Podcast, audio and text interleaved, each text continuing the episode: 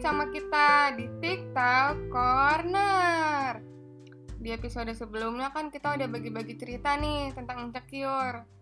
Sekarang kita mau bagi-bagi cerita lagi nih tentang anxiety atau gangguan kecemasan yang pernah kita rasakan atau alami.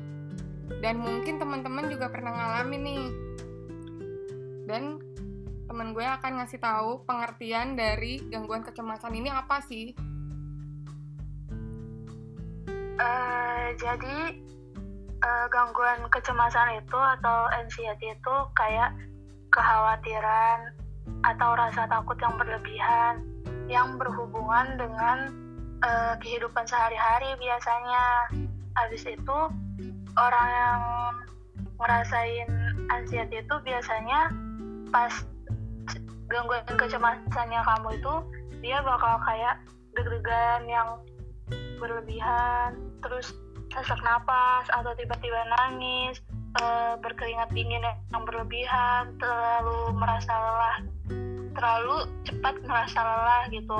Nah e, e, dari sini nih kalian e, ada pengalaman nggak atau pernah nggak sih kalian tuh ngerasain anxiety? Gue pernah Siapa dulu nih yang mau cerita? Gue deh ya boleh boleh. Jadi gue tuh pernah ngerasain gangguan kecemasan itu uh, pas gue lagi ngerjain tugas. Jadi gue tuh dikasih tugas sama salah satu dosen. Dan itu tuh tugas emang kayak bener-bener susah gitu loh. Kayak susah banget buat dicarinya gitu. Nah di saat kayak gitu tuh kayak uh, udah mepet kan. Soalnya besoknya tuh harus dikumpulin. Gue tuh emang nyarinya udah dari beberapa hari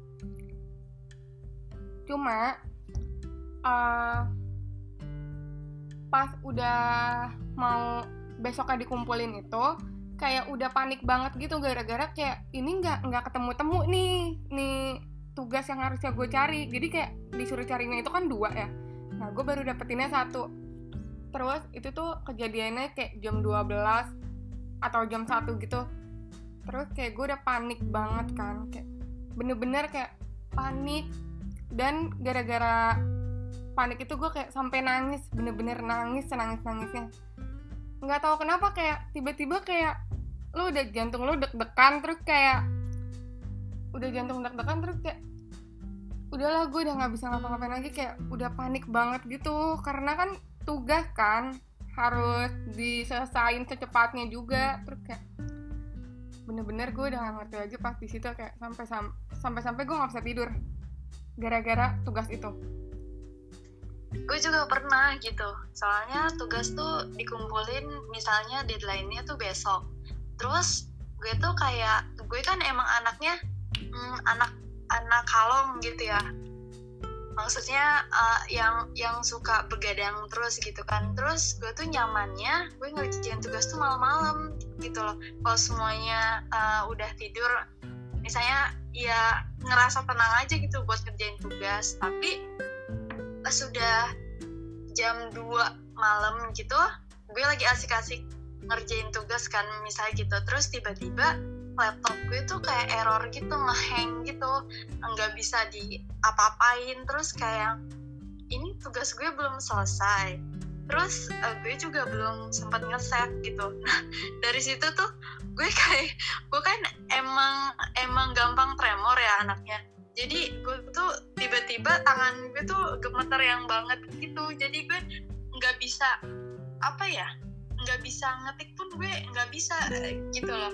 Terus gue oh, udah deg-degan banget takut deadline-nya tuh besok.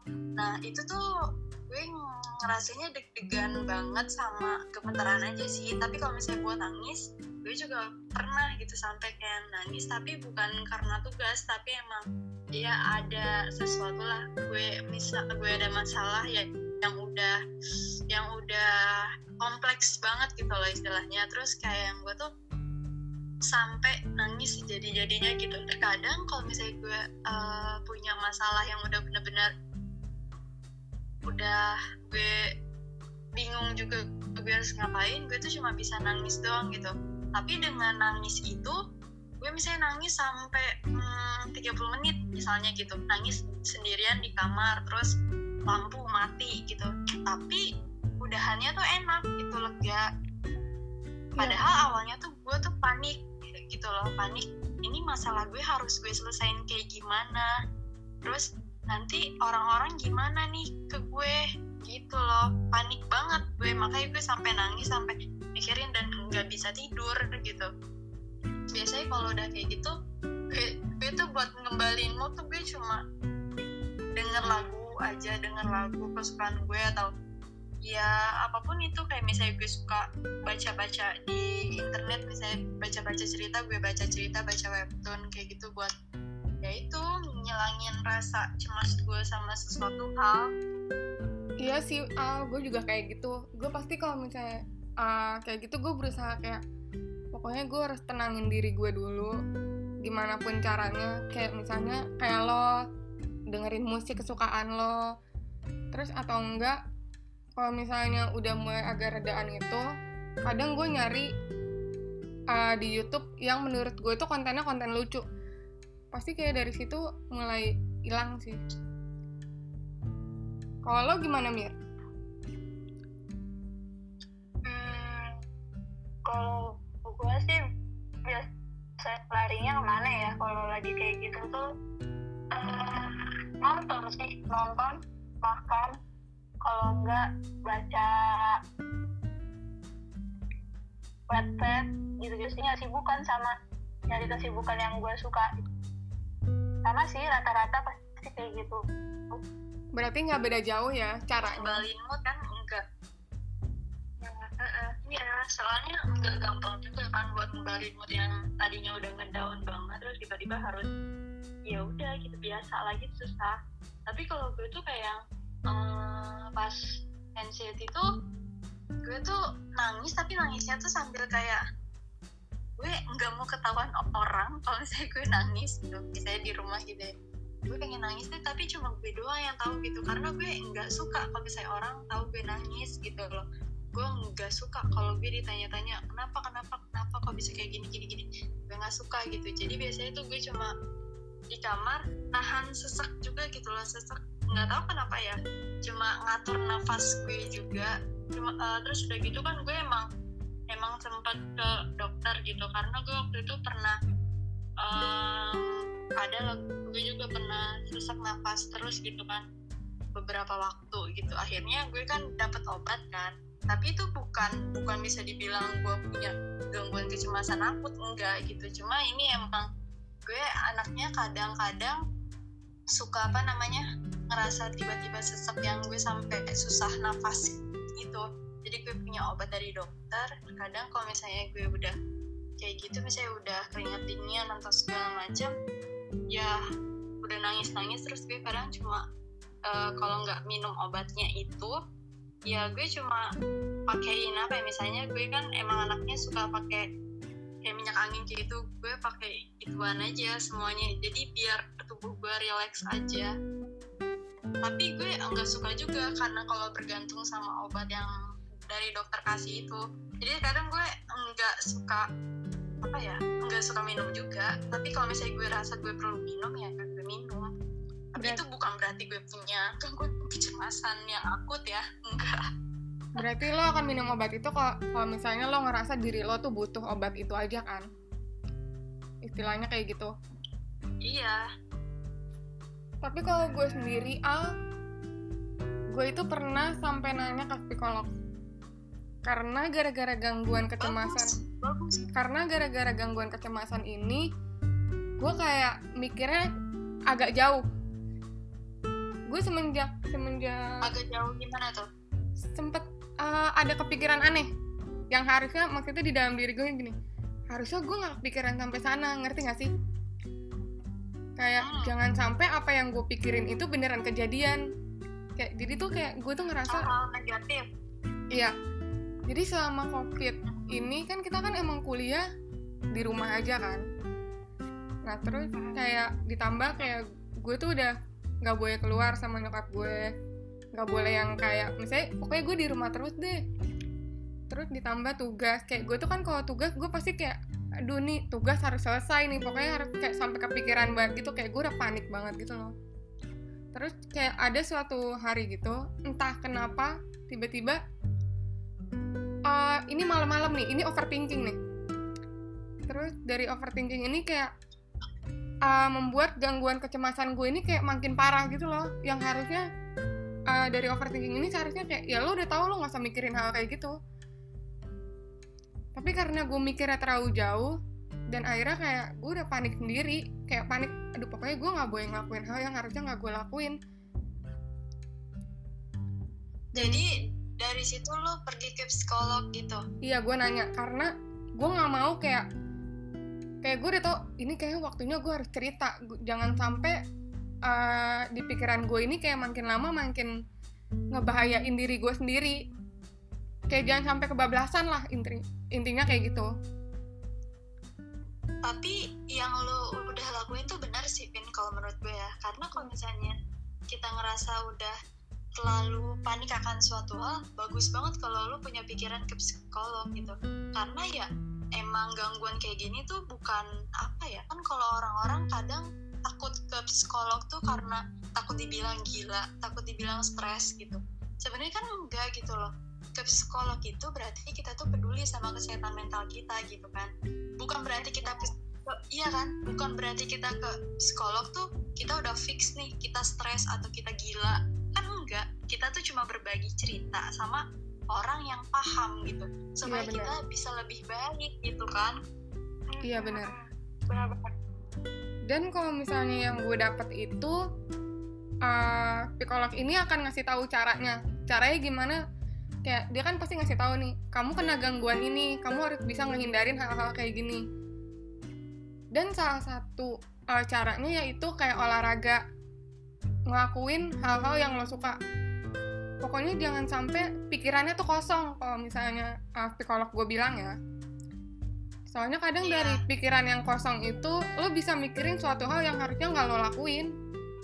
Itu menurut gue udah bahaya banget sih. Gue pas gue di fase itu gue bener-bener yang kayak uh, pokoknya jangan sampai deh jangan sampai ngakuin hal yang kayak gitu. Karena gue nggak pernah mikir sejauh itu loh. Dan biasanya gue itu apa apa selalu cerita ke nyokap gue tapi hal yang ini gue bener-bener nggak cerita karena gue takut gue takut kayak kayaknya gue butuh uh, bantuan dari orang yang yang lebih tepat. Bukan berarti orang tua gue nggak tepat ya cuma maksudnya kan ada caranya sendiri kalau misalnya buat uh, gangguan mental kan.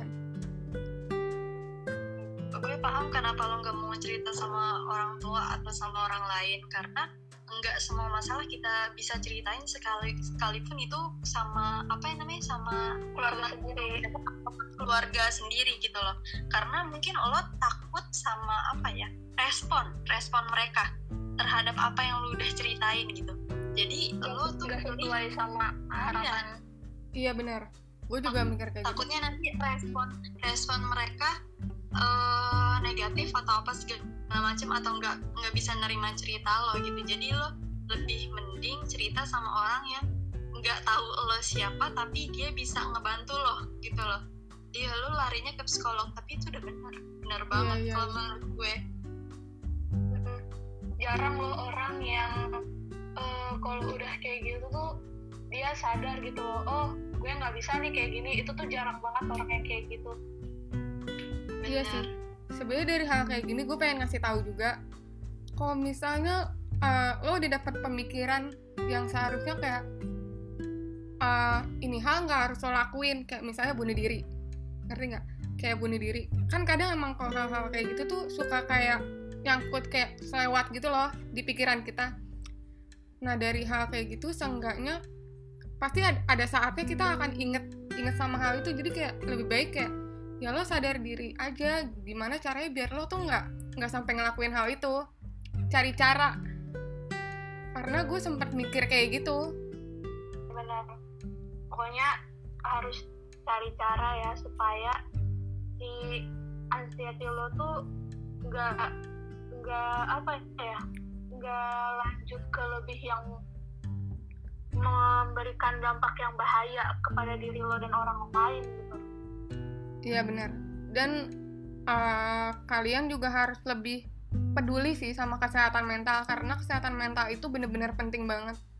Jadi pokoknya kalian tuh harus berusaha sebaik mungkin kan teman-teman terus jangan pernah merasa kecewa pada dirimu sendiri pokoknya uh, lakuin aja apa yang teman-teman pengen lakuin dan jalani hidup dengan benar di jalan yang benar ya bukan yang salah. Kalau itu udah kalian udah ngerasa sulit uh, terus mungkin tadi kan banyak kayak emosi tapi uh, lu tuh belum bisa yang namanya ngungkapin ka dengan kata-kata ke orang lain. Tapi nggak apa-apa percaya kalau sebenarnya tuh uh, apa ya ibaratnya ada palah ada pahlawan gitu di hidup lu dan itu tuh uh, mengenali kebenaran hidup dan uh, mengenali bagaimana cara lu untuk menikmati hidup. Dan pahlawan itu sebenarnya bisa dimulai dari diri lu sendiri. Lu bisa jadiin diri lu sendiri sebagai pahlawan yang bisa ngebuat hidup lu lebih bahagia.